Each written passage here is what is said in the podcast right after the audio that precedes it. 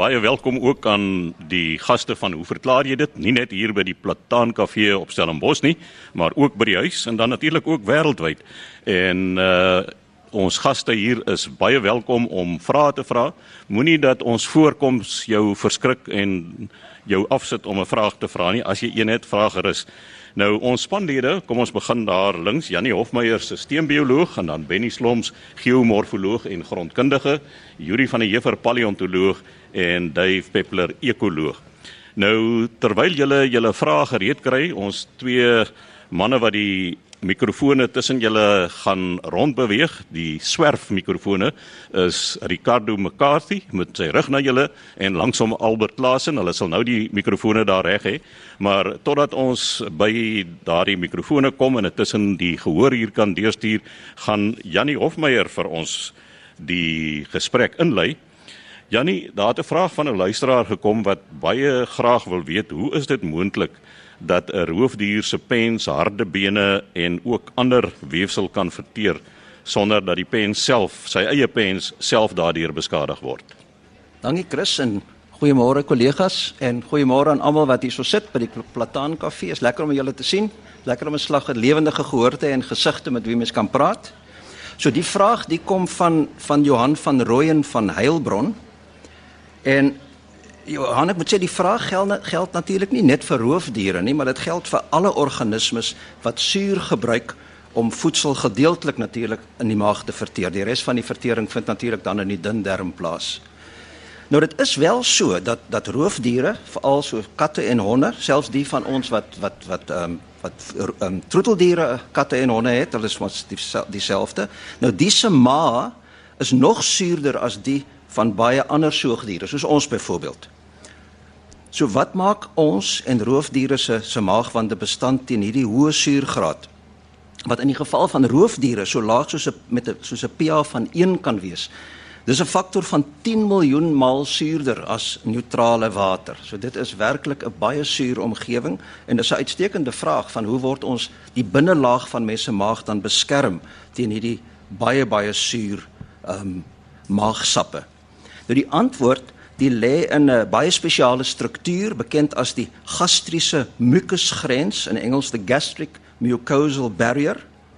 En hierdie grens bevat drie komponente wat die maagwand teen die suur beskerm. So die eerste komponent is die buitenste epiteellaag van selle wat die wat uh, aan die die die maagwand uitvoer en die is met mekaar verbind deur sogenaamde tight junctions. Ek dink 'n uh, goeie Afrikaanse vertaling daarvoor sal wees stewige hegtings. En hierdie hegtings die verhoed dat suur dan tussen die epiteelselle se membrane kan deurbeweeg deurlek en sodoende skade veroorsaak. Maar dis nie al nie die epiteelselle die skei dan ook nog 'n slijmerige verbinding uit wat 'n soort van 'n gelagtige mukuslaag op die hele maagwand versprei. En hierdie slijmlaag beskerm dan die epiteelselle teen die werking van die maagensium pepsin en ook teen erosie deur die maagsuur. En dan derdens skei die epiteelselle van die maagwand bikarbonaat-ione uit wat lokaal die maagsuur op die maagwand neutraliseer en dus die mukuslaag meer alkalies maak. So lokaal word die suur dan se werking word teengewerk. Die mukus staan dan ook baie bekend as alkalisiese mukus. Nou wat baie belangrik is is dat die pH in die mukuslaag bepaal hoe dik en viskoos hierdie mukuslaag is en dit is 'n probleem want daar is 'n bakterium wat ons nou weet die oorsaak van maagseer is. Die bakterium se naam is Heliobacter pylori. En dit die vermoë om die pH van die mukuslaag te verander sodat dit minder viskoos raak en dit is makliker vir die bakterium om deur te beweeg na die epiteelselle waar dan 'n lokale infeksie kan um uh oorgaan na maagseer. So, ons het 'n uitstekende verdedigingsmeganisme in ons maag um teen die maagsuur. Maar Johan vra ook of 'n roofdier soos 'n hyena of 'n ander roofdier uh, uh of of 'n uh, 'n uh, roofdier soos 'n hyena 'n ander roofdier se pens sal kan verteer en die antwoord is natuurlik ja. Al is die inhoud van die pens wat geëet word self suur, maak dit geen verskil aan die suurgraad van die roofdier wat die pens vreet nie. So Johan, uh ek dink dit is 'n uh, redelike antwoord op jou vraag. Ek hoop jy verstaan nou hoekom elke slag is wat jy eet uh jou maagsuur nie vir jou maagwand beïnvloed nie. Dave Peppler wil net gou daarop reageer. Van die interessante dinge is dat die eh, die slukdarm is nie beskerm nie en as jy C-reflux het, kan dit uitloop op um, kankervorming. En 'n tweede opmerking is dat van die snelste deursette van voedsel bekend is in die roofvoëls, byvoorbeeld die swerfvalk, die peregrine. Ek dink is 2 en 'n half uur vandat hy um, vreet tot ontlasting is ongelooflik vinnig ek dis interessant dat ek natuurlik jou eerste opmerking is baie belangrik want dit is natuurlik wat ons soeibrand noem. En as dit gereeld gebeur, is dit baie baie belangrik. Gewoonlik is dit as gevolg van die klep wat begin lek en dit kan eh, met eh, operasie kan dit reggestel word, maar dit is werklik gevaarlik as mens gereeld soeibrand kry. Dit help nie net om almekaar rennies te drink nie, jy moet iets daaroor doen. Kom ons kyk is daar 'n vraag uit die gehoor uit. Ricardo Makati, ek het hom nou hier links gesien, Albert Klasen. Steek net die hand hoog op. Moenie bang wees nie. Ah, kom Albert aangehardloop. Kan jy kan jy my hoor? Ja, so, identifiseer jouself net. My naam is Gustaf, ek kom van Pretoria af. Ek wil graag weet hoekom maak geelvinke partykeer soveel verskillende nessies in die wyfie kommens breek dit net af oor en oor en oor. Dankie. Maande lank. Baie dankie. Ja, dit is uh, baie interessant dat 'n mens dit nie net by vinke kry nie, maar by heelwat ander voels. Uh, is dit nie by vrouens ook nie? Ja, die die die, die aanbou, die nog 'n badkamer. Ehm um, van die interessantste voorbeelde is uiteraard uit Australië waarvan die uh, woudvoels baie elaborate kathedraalagtige um, strukture op die woudvloer bou. Maar kom ons keer dan terug na ons eie miserabele vink. Ehm um, die bou van neste en die uitmekaar skeer daarvan het niks te doen met kieskeurigheid van die wyfie in terme van die konstruksie nie. Dit het wel te doen met 'n toets van fiksheid. Ehm um, as jy 'n uh, vinkwyfie is, nou by mense werk dit jy weet, maak kaalkoppe en ouderdom nie saak nie want fiksheid maak nie sy geld wat eintlik tel, maar by vinke het nie geld nie. Ehm um, en hulle moet dan die die fiksheid van 'n toekomstige ehm um, versorger van kleintjies en ook die fiksheid van die kleintjies met hulle toets en hulle beproef dit oor en oor en die die mannetjie wat die langste aanhou gaan heel moontlik dan 'n baie goeie sterkwillige wyfie kry. So dit gaan eenvoudig net oor fiksheid. By die mense sien ons natuurlik, jy weet die die fop fiksheid uh, skouers wat opgestop word in uh, pakke klere want dan lyk jy beter. Um 'n dun middelborstrokke vir mans en vir vrouens ensovoorts ensovoorts. So dit gaan oor opsigtelike fiksheid. Benny Sloms wil ook net iets byvoeg daar? Nee nee. Op hierdie ouderdom waar ons almal is, uh sal ons nie die paal haal nie. Ek het dit my hand opgesteek om my bril af te haal. o. Nee, ek wou dan net sê ek bou nog gereeld neste Benny. Kom ons kyk is daar nog iemand in die gehoor wat 'n uh, vraag het? Daar Ricardo. Is daar iemand? Kom, kom ons kry net 'n aanduiding. Ja, lyk my tog so. of is dit 'n onwillige vraesteller? Terwyl ons wag daarvoor, Benny, kom ons uh, gaan na jou toe. Ons is nou hier by die woordfees en jy het nou 'n vraag ontvang wat die ons sal nou by hom kom wat die verband tussen vulkaniese grond en Suid-Afrikaanse wyne is. Dankie Chris. Ek het 'n interessante navraag gehad van Anton Swarts. Hy's 'n senior wynmaker en hy's 'n wynmeester by Spierland goed hier op Stellenbosch. Sy vraag aan my was: "Waar in Suid-Afrika kom vulkaniese gronde voor?" waarop wingerde verbou is.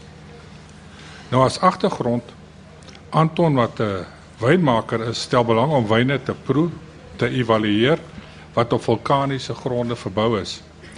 Hy het alreeds wyne van Berg Etna in Italië en Woordskarten langs die Moselrivier het hy gedrink, geproe en geëvalueer en nou wil hy wyne op dieselfde moedermateriaal in Suid-Afrika proe. Nou as agtergrond, wat is vulkaniese gronde? Dit is gronde wat ontwikkel vanuit vulkaniese as en piroklastiese materiaal wat by vulkaankeels uitgeblaas word, asook lava wat by vulkaniese keels en langs splete uitloop en oor die oppervlakte versprei. Baie belangrik Anton is dat mens kry twee soorte vulkaniese materiaal en hulle verskil baie van mekaar. Nou die eerste tipe van vulkane en materiale is die andesitiese vulkane of ons praat ook van suurvulkane. Hierdie vulkane produseer ligte grys as en hulle kom voor by divergente plaatgrense, aardkorsplaatgrense waar 'n oseaniese plaat onderkant 'n kontinentale plaat induik, daar kry ons die vorming van hierdie suurvulkane. En 'n plek waar dit voorkom is natuurlik die Andes gebergtes daar aan die weste kant van Suid-Amerika. So hierdie tipe vulkaniese materiaal bestaan hoofsaaklik uit silika en aluminium en lewer suurgronde met baie min basiese katione. So die ou mense het gesê dis arm gronde wat sal ontwikkel uit hierdie tipe van vulkaniese materiaal. Nou as jy wil gaan kyk waar is wingerde op hierdie tipe gronde, stel ek voor gaan besoek Chili. Hulle is 'n groot wynproduserende gebied en daar is dikwels vulkane wat uitbars en die luisteraars wat hier sit sal onthou dat jy kry uh beeldmateriaal op televisiestelle van vulkane wat uitbars en sommige van hulle blaas so wit as uit, ligte grys wit en dan kry jy weer 'n volgende tipe vulkaan wat pikswart as uitblaas. Ek ek sien die koppe knik, so julle is met my hier. Dit bring ons by die volgende tipe vulkaniese materiaal, naamlik die basiese vulkane. Nou, hulle produseer swart vulkaniese as en piroklastiese materiaal en kom voor waar plaatgrense wegbeweeg van mekaar. So die basaltiese materiaal beweeg op in hierdie vulkane en dan die ligte goed, die vlugte goed word uitgeblaas. En ek dink 'n onlangse een wat julle sal onthou is hierdie berg Montserrat. Daardie vulkaan wat uh weer uh, aktief geraak het en hierdie tipe vulkaniese materiaal bestaan hoofsaaklik uit magnesium, yster en dit verweer normaalweg tot diep rooi gekleurde gronde met volop basiese katione. Weereens 'n term wat 'n mens hier kan gebruik, dit is jou meer vrugbare gronde.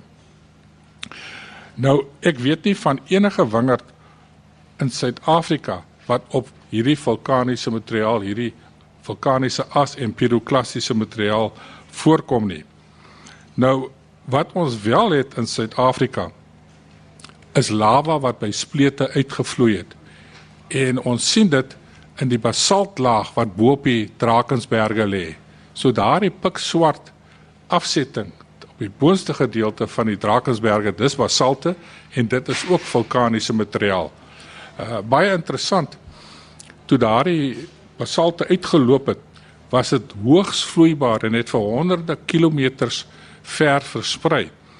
En die Victoria watervalle, daar waar die valle self is, daar is swart rotse wat julle daar sien. Dit is ook basalte van dieselfde ouderdom as die wat bo op die Drakensberge voorkom. Nou, ehm um, hoekom is hier nie vulkaniese as afsettings in Suid-Afrika nie? Die antwoord is baie maklik. Ons het vulkane in Suid-Afrika gehad. Maar lank lank gelede, 200 miljoen jaar gelede, toe die kontinente nog saam een groot eenheid Gondwanaland gevorm het. En dit was juis met die opbreking van Gondwanaland dat ons hierdie grootskaalse erupsies gekry het en vrystelling van vulkaniese materiaal. 200 miljoen jaar daarna het ons slegs grootskaalse erosie gehad en alle tekens, alle materiaal wat by vulkane uitgekom het, is natuurlik deur erosie verwyder.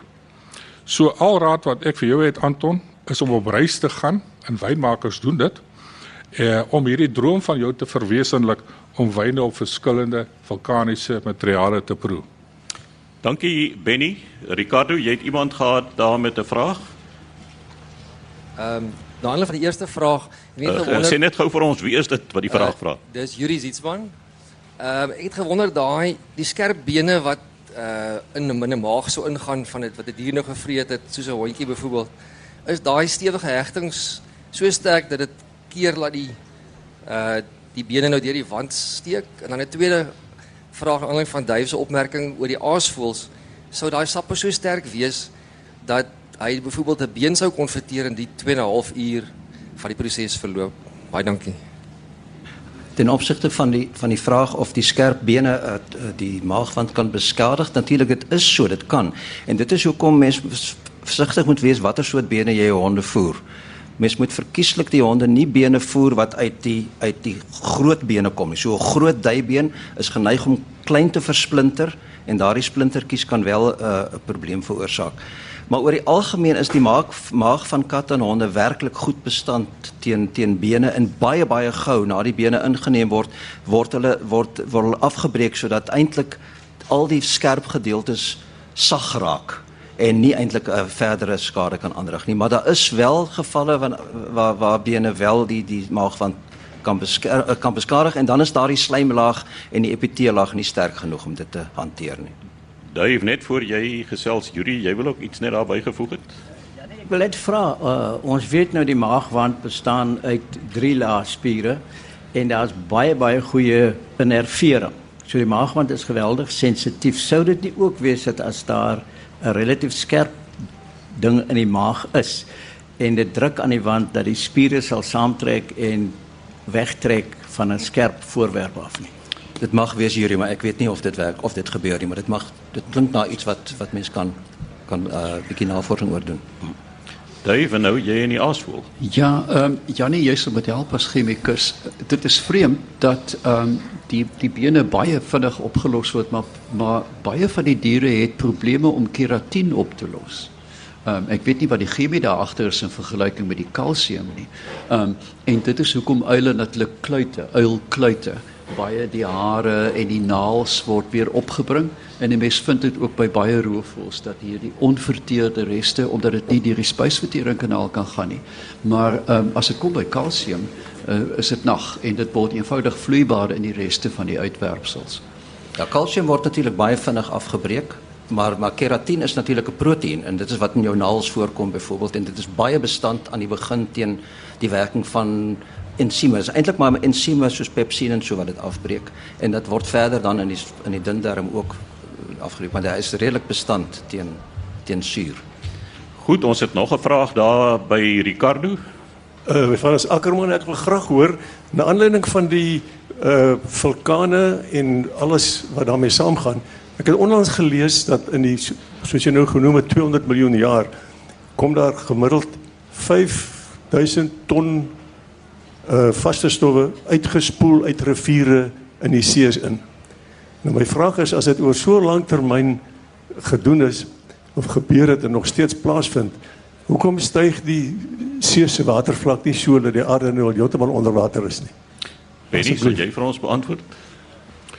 Die materiaal wat in die see spoel vanaf vulkane is seker maar 'n fraksie van die hoeveelheid materiaal wat in die seespoel van ander gesteentes, so sedimentêre gesteentes en stollingsgesteentes wat verweer. Uh dink aan ons eie Oranje rivier. Sy naam Oranje verwys na die hoë klei en sluklading in die water. En daar gaan duisende tonne materiaal word enerzijds in die damme neergesit wat in die rivier gebou is en die ander ander gaan af na die see toe So die die vulkaniese materiaal die is maar 'n klein fraksie. Dis 'n bitter klein fraksie. Dave Dit is um, interessant as 'n mens kyk na die kuslyn van Madagaskar wat nou op uh, in die orde van 96% ontbos is, dat die gemiddelde delta grootte van modder op die koraalribbe is 200 vierkante kilometer per rivier. So, uh, ek dink in terme van van vulkanisme is dit onbeduidende hoeveelhede. Goed, daar het ons 'n vraag van 'n groot man daar aan die middel by Ricardo. Kan ons net hoor wie dit is en wat die vraag is? Môre Chris, Niels Borstlap, Somerset Wes. Ek wil daar nadat ons die erediens vanoggend gehoor het hier nou bietjie oorslaan na die evolusie toe. En ek sit hier en ek kyk so deur die toeskouers almal wat hier is en ek sien 'n vreeslike klomp kaalkop manne maar geen kaalkop vroue nie. En nou wil ek bietjie hoor daar by Yuri, hoe het hierdie evolusie dan nou gewerk dat al die manlike Homo sapiens amper almal kaalkop is en die vrouens nie? Kan ek net gou vinnig daar sê ek het nou die dag 'n uh, boodskap op Facebook gekry. Dis 'n spotprentjie, maar dis 'n krokodilagtige mannetjie wat uit die water uitgee pad en sy wyfie is agter hom net die neus steek bo kan die water uit en sy's besig om hom 'n uh, bietjie reg te sien en die onderskrif is dis hoe evolusie begin het. Maar Yuri Goeiemôre Chris kollegas en uh, luisteraars en veral die luisteraars wat die droogte getrotseer het om vandag hier as 'n leerskare te verskyn. Uh dit, ek dink dit is 'n komplekse saak en dit het, het seker uiteindelik meesal met hormone te doen. Uh man sal vind dat dikwels so ouer hulle word, dan word hulle ook baie hariger nie noodwendig op die kop nie, maar mens sien die hare by die ore uitsteek, die wenkbroue raak digter en die liggaamshare raak ook digter. Uh daar is destyds gesê dat uh, dis veral boere wat bles raak omdat hulle hoed dra en uh, dit belemmer die uh, die uh, die groei van die hare. Ek uh, ek dink nie dis heeltemal so nie, maar die verspreiding van hare op die liggaam dink ek het te doen met 'n uh, hormonale balans en ons weet dat mans en vrouens hormone verskillend werk. Uh dit kan 'n mens sien.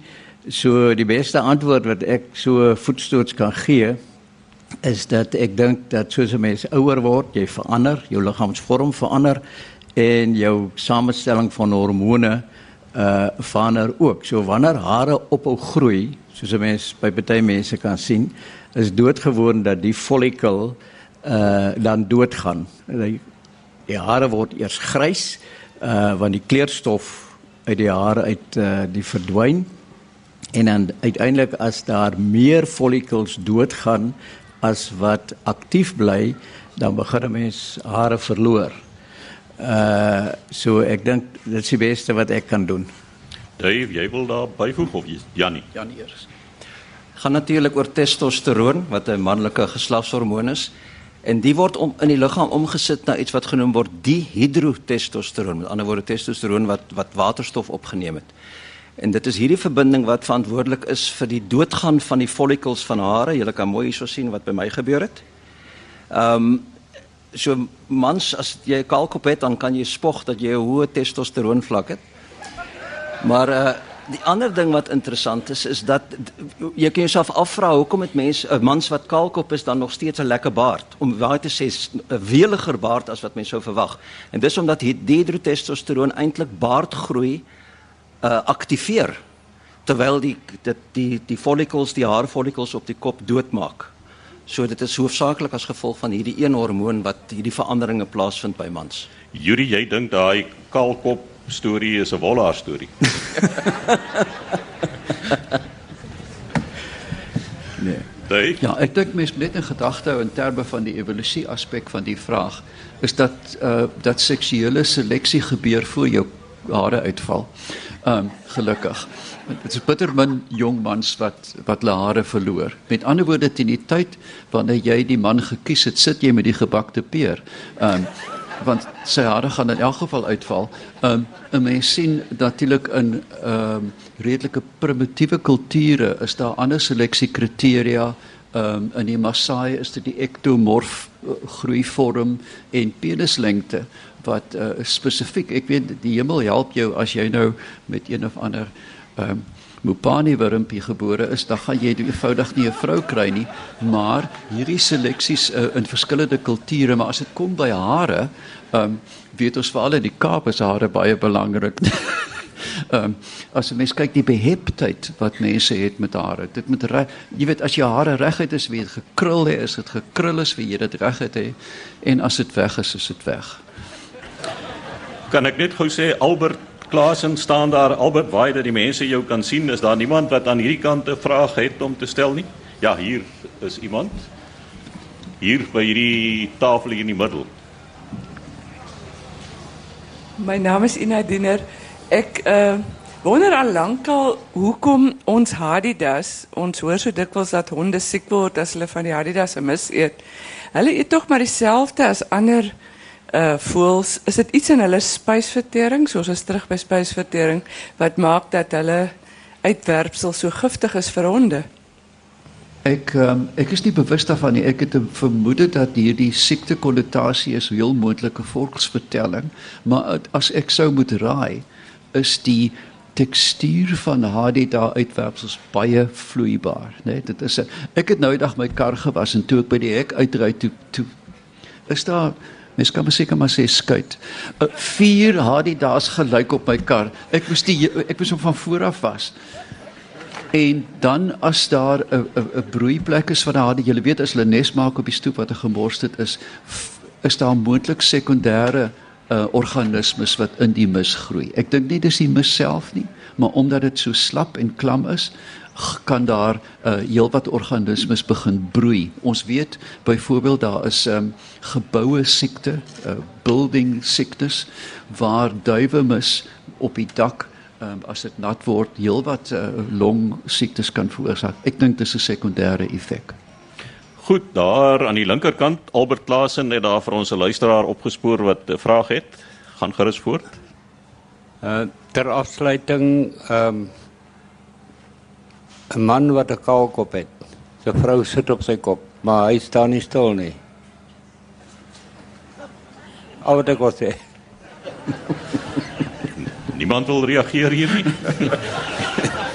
Iemand anders wat 'n vraag het? Daar is nog een Albert.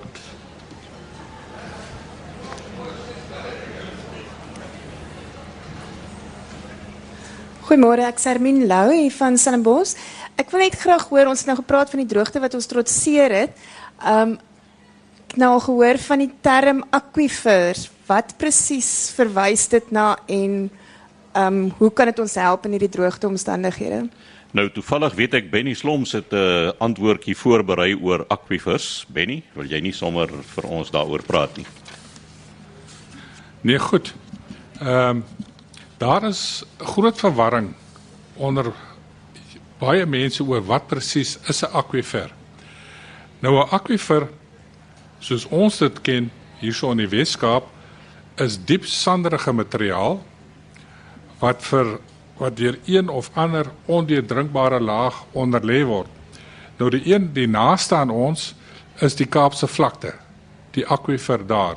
So ons het diep, medium tot grof korrelrige sand wat deur mamas vir die skalies onderlê word en dan gedurende die wintermaande as dit goed reën, dan word daar 'n hele sandlaag word versadig met water soos hy vol raak en die water staan plek plek aan die oppervlakte wat nou bekend is as die vleie wat daar voorkom. Nou ehm uh,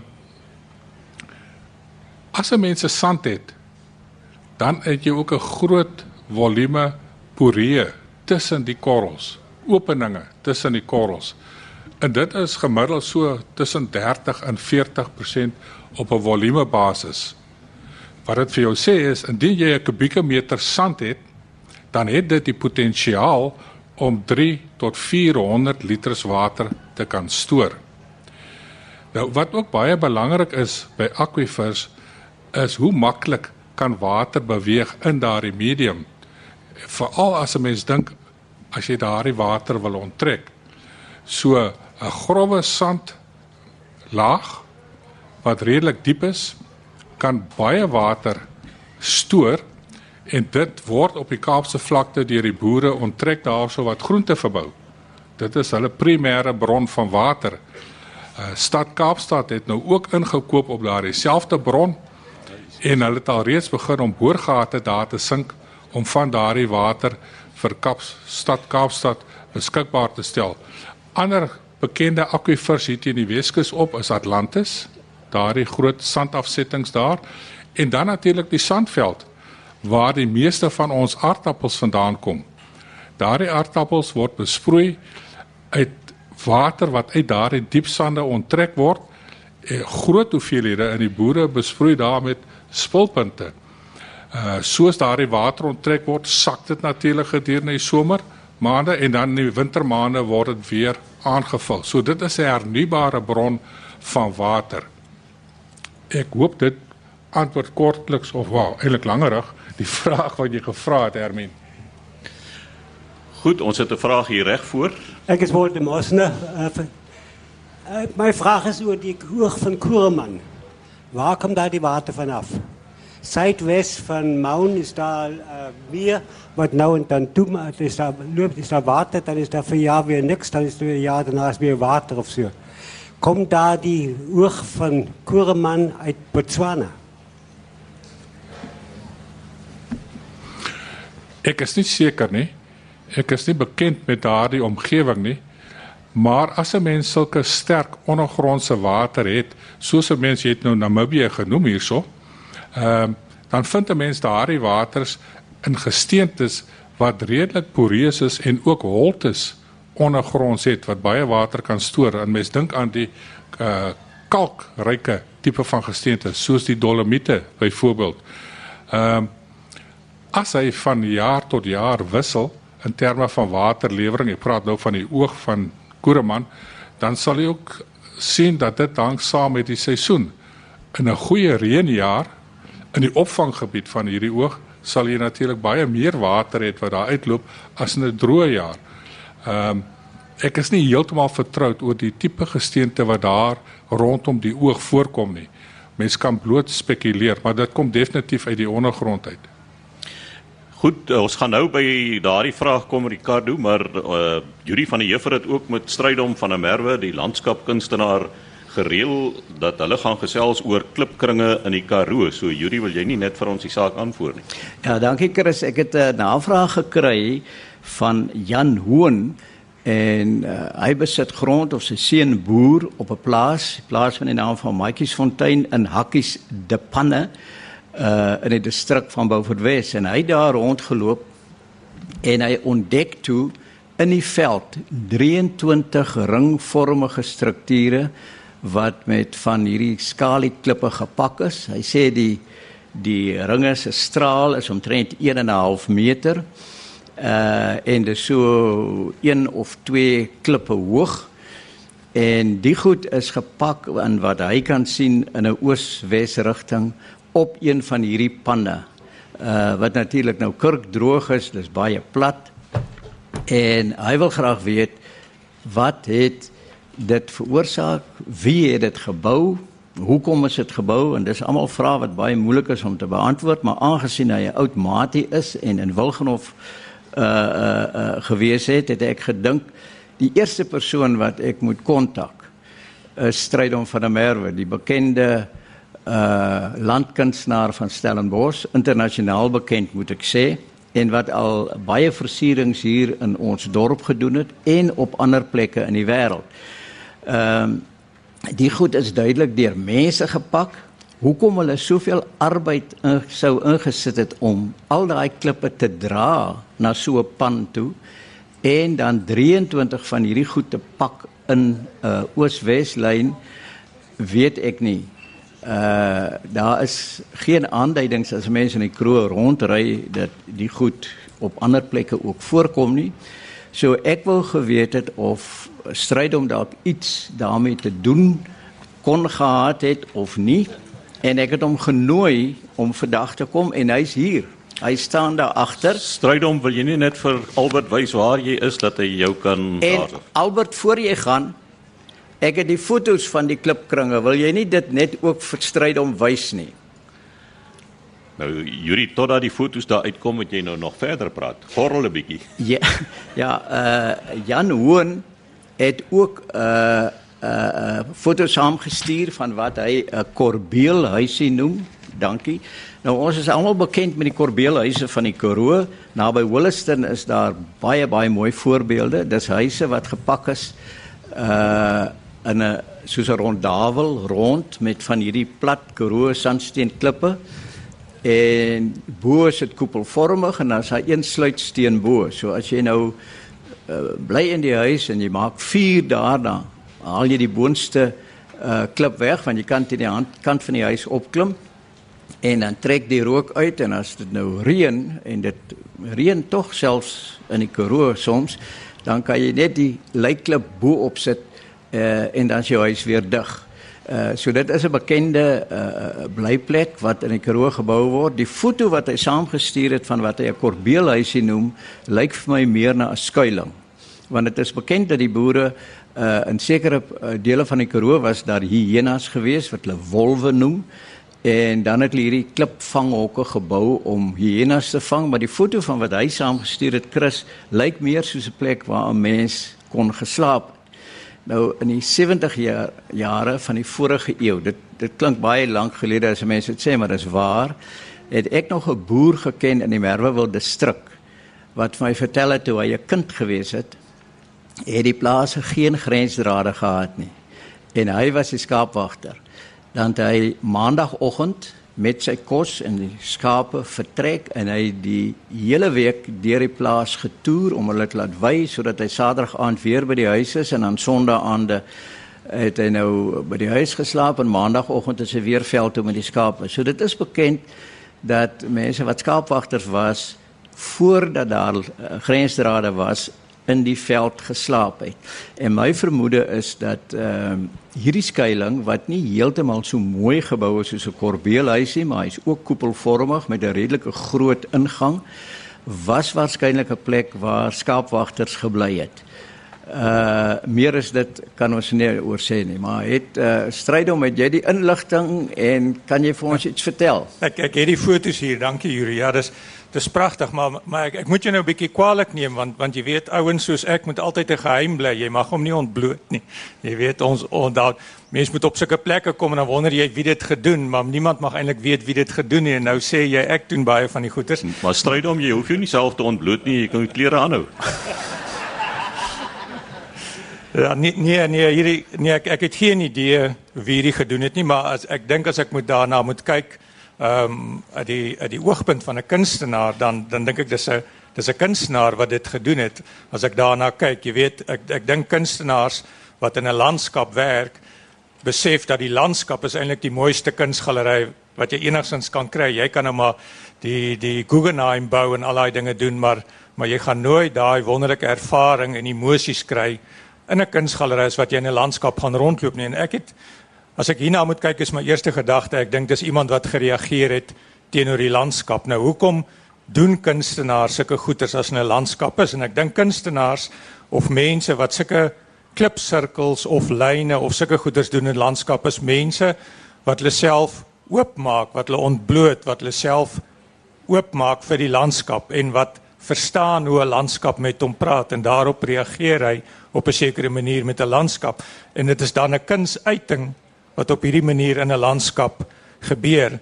Nou as ek aan myself dink dan en en ek doen die goeders in 'n landskap dan kan so iets slegs gebeur nadat ek 2 of 3 dae in 'n landskap deurgebring het en as ek kan verstaan hoekom die klippe is daar dan kan ek verstaan waar die skade wees in die wind en al daai goeders eers dan kan jy 'n kunswerk begin maak want ons soos ons weet is onlosmaaklik deel van van die natuur ons is nou wel aan hierdie bo-punt van die piramide maar ons kan nie sê dat ons is verhewe bo alles nie. So hierdie ek dink hierdie werke is is 'n tipe van 'n van 'n samevloei met wat in die landskap gebeur. Maar ek dink van die beste voorbeelde, miskien om net vinnig te sê waarna mense dikwels verwys is, is waarvan hulle praat van hierdie krop sirkels wat 'n ou so in die koringlande in Engeland veral kry. Nou hoe hoe verklaar mense dit? Ek ek weet ook nie hoe verklaar mense dit nie. Dit kan seker kwaai jongens wees wat wat dit doen. Dit kan al kunstenaars wees wat dit doen. Maar maar wat interessant is is is van daai kropsirkelpatrone het hulle nou deesdae in die moltreinstasies in klein stofhoekies begin opspoor. So die die vraag is het het dit te doen vibrering, het dit te doen met energielyne van die aarde wat op sekere plekke kruis en 'n vibrasie plaasvind en dan kry jy van hierdie patrone. Nou nou wat daai patrone jy so interessant maak is is ek dink dit is nie goeters wat ons kan uitdink nie. Dit daai ontwerpe van baie van daai patrone is so abstrakt en so vreemd dat dit vir my verskriklik moeilik om te dink dat ons huidige generasie sulke patrone kan uitdink. En maar so ek het ook nie heeltemal 'n verklaring daarvoor nie. Ek dink daar's baie menings oor oor oor hoe sulke goeders gebeur, maar maar om terug te kom na na hierdie sirkels toe en ek ek dink hoe meer sulke goeders in die landskap gebeur en hoe meer mense blootgestel word aan dat kunswerk eintlik deel van die natuur is, hoe beter dit vir my is. Dankie Yuri. Dankie Strydom. Uh, ek sal graag wil reageer op jou uh, jou opmerking oor die sirkels en patrone in die graanlande. Ehm um, ek het ook daarna gekyk oorspronklik toe dit die eerste keer verskyn het. En mense het natuurlik uh, dit baie ernstig opgeneem totdat uh twee kerels in Brittanje uiteindelik moes gebieg het. Nou dit was die aanvanklike goed wat hulle gesien het in die graanlande, plat sirkels en die soort van dinge. Die twee het Vrydag aande vir hulle vrouens gesê hulle gaan 'n bietjie kroeg toe. En dan het hulle begin met hierdie storie om met plat planke die graan plat te vee en die sirkels te maak. En hulle vrouens het naderhand uh, agterdogtig geraak en gedink hulle loop rond. En toe het hulle nou met die storie uitgekom dat dit hulle is wat eintlik begin het met hierdie graanlande. Toe uh, het die mense hulle nie geglo nie. Hulle toe 'n klomp saamgeneem na 'n graanland toe en gedemonstreer hoe dit gedoen word. En daar was nog steeds ander mense wat hulle nie geglo het nie. Uh wat interessant was is dat die studente in in Engeland het dit toe begin doen. En ek het foto's van party van hierdie konstruksies in die graanlande wat baie baie kompleks is. En daar is selfs wat sulke gesigte van uh buiteruimtelike wesens uh vertoon maar dit vertoon die gesigte van buiteruimtelike wesens wat mense in die Hollywood fliek sien. So dis nie dis nie unieke goed nie. So uh ek dink 'n groot deel van hierdie van hierdie verskynsels is wel mensgemaak. Ek sê nie alles is mensgemaak nie, maar 'n groot deel daarvan is uh mensgemaak en dit begin deur twee Engelse wat die ander mense 'n poets wou bak. En hulle toe nie vir hulle vrouens gejok nie, hulle het rondgeloop want die sirkels was rond. In die in die ja. Goed, ons het 'n vraag daar by Ricardo. Uh goeiemôre, uh, Dawie van Stellenbosch. Ek dink Yuri sal die beste wees om hierdie vraag te antwoord, maar jy het nou baie gepraat so enigiemand kan dit seker maar vat. Ek wil graag iemand met kommentaar. Dawie, uh, Yuri ja. wil net graag hoor wat jou van van den Jefer. Ja. Geen verwantskap nie. Ehm um, ek wil iemand met kommentaar lewer oor die akkuraatheid en betroubaarheid van radioaktiewe datering van van fossiele en sedimente want ek praat gereeld met mense wat vasklou aan die idee dat die aarde nog 6000 jaar oud is. En hulle argument is altyd mens kan nie hierdie vertrou nie, mens kan groot foute maak met radioaktiewe datering. Ja, uh Chris, ek sal die bal in die rol sit. Enigiemand anderser wat wil, kan maar inspring. Uh jy's eh, doodreg dat uh radioaktiewe datering is sulke so goeie bewys van uh oudheid uh van sekere goed dat dit uh, dikwels iets is wat deur mense wat dit nie wil aanvaar nie aangeval word. Kortliks kan 'n mens sê daar bestaan vandag omtrent 40 verskillende maniere om radioaktiewe datering te doen. So dis nie 'n kwessie van jy het een rotsmonster en jy stuur dit na uh, toetslaboratorium en hulle gee vir jou 'n uh, uh, uh, ouderdom nie. Uh mens het verskeie baie verskillende metodes om dit te doen en dit kan met mekaar gekorreleer word. So wanneer die regte uh klip sediment stof vulkaniese tuf of wat dit ook al is beskikbaar is dan kan dit op verskillende maniere getoet word en die goed ondersteun mekaar dis die, dis die eerste punt en radioaktiewe datering is al so verfyn dat dit geweldig betroubaar is.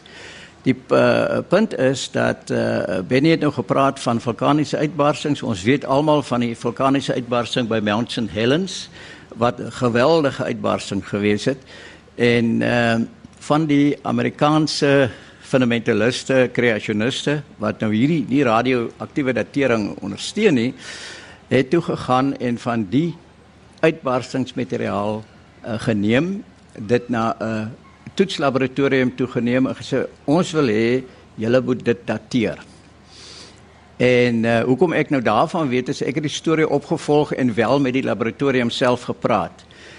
Uh toe sê die man vir hulle maar ons kan nie dit dateer nie. Ons het 'n laboratorium wat spesifieke tipes datering doen en ons kan nie resente vulkaniese materiaal dateer nie. Toe sê die maar wat dit ingebring het, dit maak nie saak nie. Toets dit. Ons betaal daarvoor. Hulle kry toe die verkeerde ouderdom. Natuurlik, soos hulle gewaarsku is. En as jy kyk na die literatuur wat toe uitgekom het, is daar oral gesê hierdie vulkaniese datering werk nie want hier weet ons hierdie vulkaniese materiaal is 15 jaar oud. Dit het 15 jaar gelede uitgebars en hier gee hulle vir ons 'n heeltemal 'n ander datum. So die dinge wat hulle doen, die ouens wat nie radiometriese datering wil aanvaar nie, dit grens altyd aan dis nie krimineel nie, maar dis oneerlik. So ek dink nie daar's enige van die fisici of uh, ander wetenskaplikes wat vir jou sal sê dat radio dat aktiewe datering is verkeerd nie. Maar omdat daar so baie verskillende metodes is, moet jy natuurlik die regte metode vir die regte materiaal gebruik. Jy kan nie 'n spyker inkap met 'n skroewedraaier nie. Nou, jy, jy kan probeer. Maar as jy nou koolstofdatering doen, dan word dit gewoonlik gedoen op sekere uh, materiaal, eh, uh, argeologiese materiaal en dit is gewoonlik korrek tot omtrent 40000 jaar. Jy kan dit nie vir ouer goed gebruik nie as jy die uh, radio ander radioaktiewe methodes gebruik dan het dit dit spesifieke toepassing. So mens moet die wetenskaplike metode ook daarna volg. So die kort antwoord is, wel dit was die kort antwoord, die, ek kan jou die langer antwoord ook gee. Die kort antwoord is radioaktiewe datering werk en dit is hoogs betroubaar. Goed, ons het net 5 minute oor. Eh, eh, hier agter is nog 'n vraag by Ricardo. Hallo Andre Du Plessis. So net 'n vinnige toevoeging tot u aquiver uh uh verduideliking. Uh die die aquiver verduideliking wat u gegee het was 'n baie vlak akwever hier op die Kaapse vlakte net bo kan die Mamersbrug gesteentes. Nou dit is nie die akwever. 'n Akwever is enige gesteente wat waterhoudend is. En dit is nie die akwever wat Kaapstad op hoop om sy droogteprobleme op te los nie. Die akwever wat Kaapstad op glo is in die Kaapse supergroep wat die Kaapse berge veroorsaak. As jy diep in hom in daai supergroep inboor, 200 meter af, is daar ook akwivers en dit is die akwivers wat waterhoudend gaan wees vir Kaapstad. Dit is die akwiver wat byvoorbeeld vir Hermanus so gelukkig maak en die Citrusdal boere so gelukkig maak 200 meter af. Heeltemal 'n ander akwiver as die vlakke waarvan hulle gepraat het. Dankie hoor. Heeltemal reg. Ek het bloot verduidelik wat 'n akwifer is. Ek het hierso toevallig ook 'n vraag uitgewerk uh, rondom die Tafelberg sandstene akwifer wat verskil van jou sandakwifers. So ek het nie al die akwifers gedek nie, want daar ek moet nou nog tyd laat vir Duif ook om 'n vraag vanoggend te kan beantwoord. Uh, ek dink ongelukkig ons gaan nie tyd daarvoor hê nie, net 'n kort opmerking van een van julle nog. Nou ja. Ja, ek uh, ek toe julle nou gepraat het van uh, die moontlike giftige stowwe wat in uh, Hadidamus is Uh, ek dink is iemand wat die antwoord het wat daar agter ons sit. Uh, ek het gehoor dat uh dikwels as jy honde uitlaat in die tuin en daar was katte in die tuin gewees, dan uh pyl hulle af op die katmis en hulle hulle eet van die katmis. En blykbaar is daar ook organismes wat op katmis groei wat dan die honde kan siek maak. Nou is daardie persoon daar wat die saak geopper het, Juri? Ja, daar sit sy. Hierso uh, uh, Ricardo voor, hier voor. Daai aanvallige meisietjie met die bril. Ja, toe maar toe maar ja, daar is die mikrofoon. Net baie kort. O, ja, dit, dit dis waar, dis nie baie algemeen nie, maar ek het nou in die afgelope paar dae toevallig gelees dat dit ehm um, stuiptrekkings of nou in Engels seizures kan veroorsaak. Eh, uh, by honde. By honde. Ja, so dis nie goed om jou hond toe te laat om katmis te eet nie. Kan ek net gou vinnig iets vir Duif vra terwyl ek die mikrofoon het? Dit gaan 20 sekondes neem. Ehm uh, met verwysing na die uh, roofvoëlvertering. Jy het genoem dat die die bolus wat nou aan die onderkant uitkom by 'n uil, uh, het jy 'n kluit genoem. Of is dit in die ook aan die bokant? Aan die so bokant. nou wat waar kom die idioom dan nou vandaan 'n uil op 'n kluit? Is dit iemand wat dan nou 'n soort van bietjie gekonsipeerd voorkom met as in persona of 'n uh... 'n galbraker. Uh, ek ek is nie seker van die van die um, etimologie van die uitdrukking nie. Ons sal ongelukkig die uil op sy kluit moet los. Die tyd het ons ingehaal. Baie dankie aan al die luisteraars wat ver oggend hier was.